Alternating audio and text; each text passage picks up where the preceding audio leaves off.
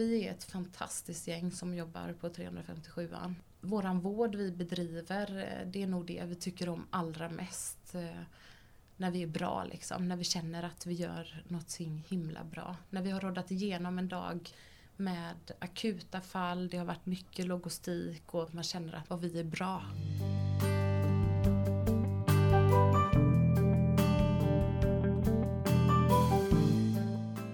Hur är vardagen på en vårdavdelning på sjukhuset? I det här avsnittet av Salgrenska podden möter kommunikationsdirektör Anders Goliger sjuksköterskan och sektionsledaren Anna Johansson. De pratar om varför man går till jobbet, varför hon älskar sitt jobb och om hur det är att hantera överbeläggningar. Jag jobbar på Östra sjukhuset på avdelning 357. Eh, vi är en hjärtavdelning där vi bedriver då sex eh, HIA-platser, intensivvårdsplatser. Eh, och vi har 30 eftervårdsplatser för eftervård. Och du, vad har du för yrkesroll och vad gör du på avdelningen? Jag är sjuksköterska eh, och sektionsledare på avdelningen. Och min sektionsledarroll innebär väl egentligen att jag har ett övergripande personalansvar helger och kvällar Eh, rekrytera, lösa akuta luckor. Eh, se på så att allt flyter liksom runt omkring. Eh, sen eh, är vi lite informatören då mellan cheferna och eh, personalen, sina kollegor. Eh, där vi för vidare information. Du, varför blev du sjuksköterska? Varför blev jag sjuksköterska? Jag hade lite strulig tonårstid och hoppade av gymnasiet och sådär.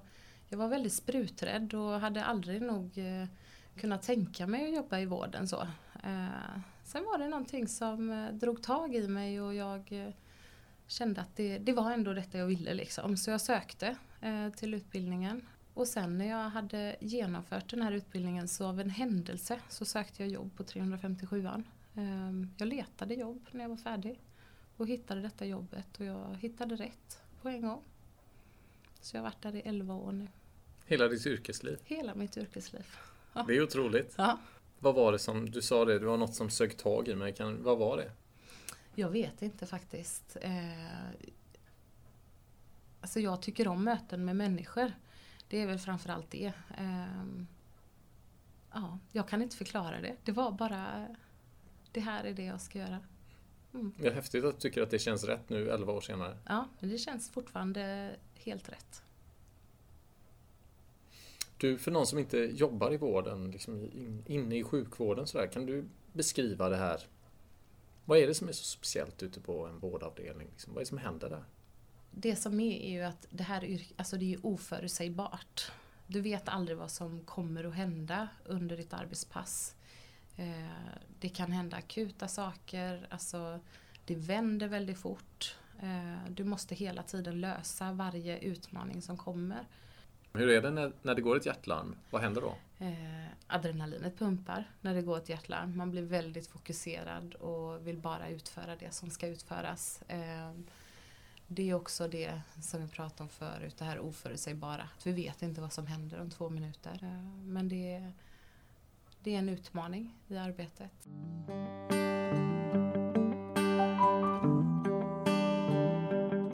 Salgrenska universitetssjukhuset har upplevt flera överbeläggningssituationer under året. Nu veckorna efter midsommar har det varit ett ansträngt läge på såväl Östra som Mölndal och Salgrenska. En orsak till överbeläggningar kan vara ett ovanligt högt söktryck på akutmottagningarna. Det kan också handla om att kommunerna inte klarar av att ta hem sina utskrivningsklara patienter som ska få plats på ett korttids eller äldreboende. Men det kan också handla om svårigheter för sjukhuset att bemanna med personal. Sjukhuset gör varje dag sitt yttersta för att ge en god och säker vård till patienterna och mobiliserar kraftfullt när det blir tillfälliga överbeläggningar.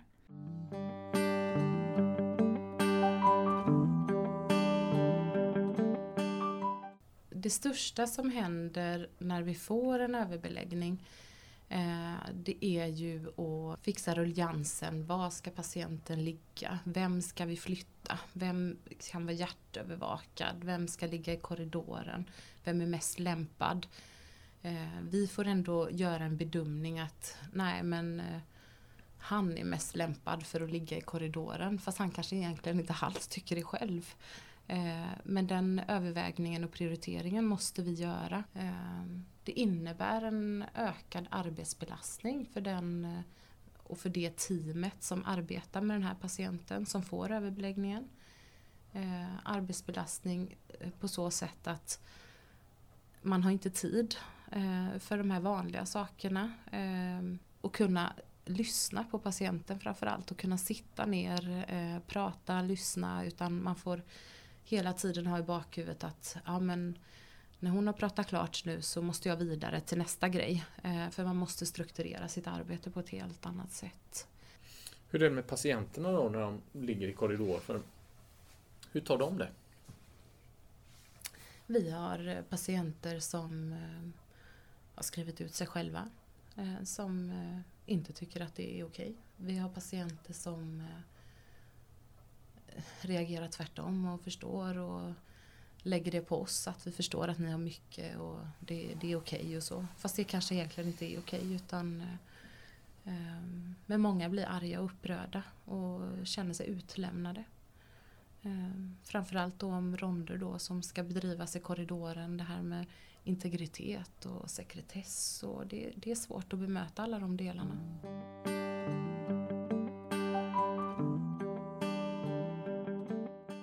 Många är ni i ett team då och hur många patienter tar ni hand om? Eh, vi är ett team, eh, vi har tre team på eftervården. Eh, där vi är två sjuksköterskor, vi är två undersköterskor. Som normalt då har tio patienter då, fem patienter vardera par då. Och så har vi en överläkare och en underläkare då som är knutna till oss. Säg igen, säg igen. Det, det, är tio patienter och så är ni, vad sa du, fyra personer då? Fyra, fyra undersköterskor, sjuksköterskor så att Precis. Säga. På dagtid. Mm. Och så kommer det in en överbeläggning på det, då blir det elva så att säga? Då blir det elva ja. Och under den här tiden i vintras så har vi inte bara haft en överbeläggning utan två, tre kanske. Det var ju en dag när, när hela GPs första sida eh, mm. handlade mm. om överbeläggningarna. Mm. Vad tänkte du då? Nej, men jag tänker att eh, det är så här vi har det. Eh, jag vet inte vad man ska tänka. Man blir ju ledsen. Eh, för att eh, vi tycker att vi är en fantastisk avdelning. Eh, vi är bra. Det, det är ni väl också eftersom ni tar hand om alla de här patienterna? Ja. Men det känns tungt där och då? Det känns tungt där och då och liksom, man står inte bakom det. Att det, det ligger patienter i korridoren. Men ändå måste vi bedriva vården framåt. Vi måste jobba liksom i motvind. Och det är inte lätt alla gånger. Hur går snacket i fikarummet de här dagarna? När det är tufft så det är många som är ledsna. Eh, frustrerade, arga. Eh, någonstans har vi ju alla en gräns för vad vi, eh, vad vi vill och vad vi klarar av. Eh, och vad vi tycker är okej. Eh, och den gränsen eh, den når ju andra når ju före än vad andra gör om man säger den gränsen. Så att, det, det, resulterar ju också att vi har svårt att behålla personal. Eh, att personal säger upp sig och söker sig till andra ställen. Har det varit folk som har slutat nu här i vinter? Eh, vi har haft folk som har slutat eh, men jag tycker ändå att vi alla har kämpat på och vi har ändå lyckats att behålla väldigt många som kanske hade slutat om det hade pågått lite till tror jag. Men de allra flesta väljer att stanna då. Varför väljer medarbetare att stanna då? För det är ju väldigt god arbetsmarknad. Mm. Vad är det ni har? Om man säger så. Alltså vi är ett fantastiskt gäng som jobbar på 357an. Eh, våran vård vi bedriver, eh, det är nog det vi tycker om allra mest. Eh, när vi är bra liksom, när vi känner att vi gör något himla bra. När vi har rådat igenom en dag med akuta fall, det har varit mycket logistik och vi har dagen är slut och man känner att man går hem och tycker för, ja, vad vi är bra. Var du på väg att svära i Sahlgrenska-podden ja. nu? Så var det.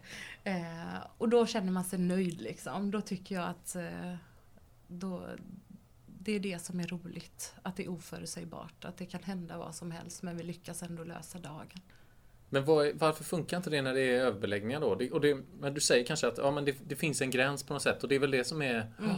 Det är mm. som ett band liksom mm. som sträcks ut och mm. mm. Det kanske är en hårfin gräns ibland där ni klarar någonting och fixar någonting med svåra förutsättningar. Jo, och så får ni ändå ihop det.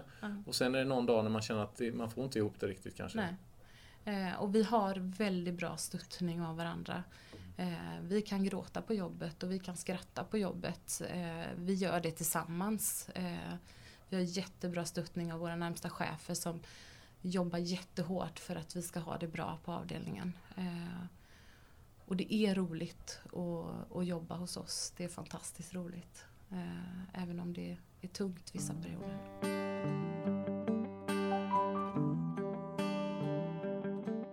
På fredagar så har vi startat, vi har lite debriefing eh, i personalgruppen där eh, olika medarbetare får med varje gång.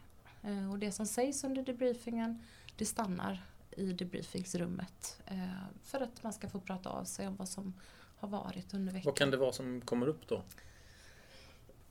Det kan vara eh, frustrationer. Eh, det är jobbiga saker som har upplevts jobbigt under veckan. Eh, att man har haft ett dåligt bemötande. Att man tycker någon har agerat fel. Att det här, men det kommer också upp positiva saker. Eh, vad vi har gjort bra. Eh, och sen vad vi kan göra för att förändra de sakerna. Eh, så vi får med alla delarna då. Eh, det är viktigt också att vi arbetar i våra team som vi, att vi hjälps åt över gränserna. Att man inte är fokuserad på sitt eget arbete utan man ser alla runt omkring. Och ta det här att man börjar ta tag i sin egen situation och gör någonting. Och, ja, men som ni låter det här debriefing. Och, ja, liksom, ja, hur har ni lyckats göra det? Ta det varvet så att det inte bara blir att man sitter kanske i, i fikarummet och, och, tycker att allt är dåligt. Liksom, utan att man faktiskt också gör någonting åt det. Det är ju en himla styrka. Ja men det är en styrka och jag tror att vi måste pusha varandra i den riktningen. Eh, om någon känner att det är väldigt jobbigt och väldigt negativt runt just nu så kanske någon annan som är positiv just nu kommer in och drar upp den personen. Eh, vi kommer inte komma vidare och vi måste ändå på något sätt, precis som du frågade mig förut, varför går vi till jobbet? Eh, för vi har det ändå bra. Eh, Det är en bra avdelning. Eh, Vi har ett bra ledarskap. Och vi är goda och vi skrattar liksom tillsammans. Det gjordes ju också då en sån här arbetsmiljöanmälan, en så kallad 6XA Mm. här i vintras. Mm. Hur tycker du, hur har liksom arbetsgivaren tagit, tagit tag i de frågorna som kom fram i den processen? Eh, till en början så var ju upplevelsen att eh, Eh, vi inte fick det gehör vi ville. Utan vi ville ju ha en förändring här och nu. Eh, och det är ju det man vill när man är frustrerad så ska det liksom vända på en gång. Eh, någonstans så kanske det inte går att vända skeppet på en gång. Eh, det som har hänt nu eh, som vi kommer att, en förändring som kommer ske under hösten och det är, ligger ju mycket till grund i den här 6XA-anmälan. Det är att vi kommer att dra ner på vårdplatser och ha samma bemanning. Ehm, vi kommer att kunna eh, behålla våran bemanning men ändå om vi får överbeläggningar kunna belägga dem på riktiga sängar. Eh, och det tror jag kommer minska stressen hos oss och eh, även stressen i bemötandet med patienterna.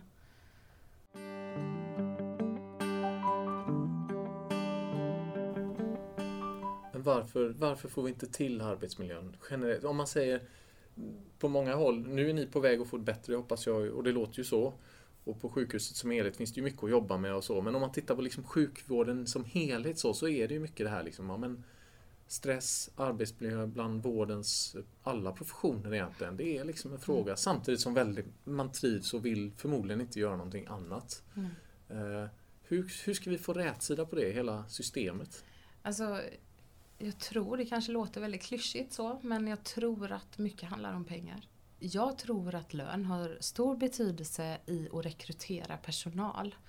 Eh, och sen för att behålla personalen så får man nog gå andra vägar. Vi måste satsa på att man kan utvecklas på sitt arbete. Att det finns resurser för det. Eh, och att de resurserna läggs där. Eh, det är jätteviktigt tror jag.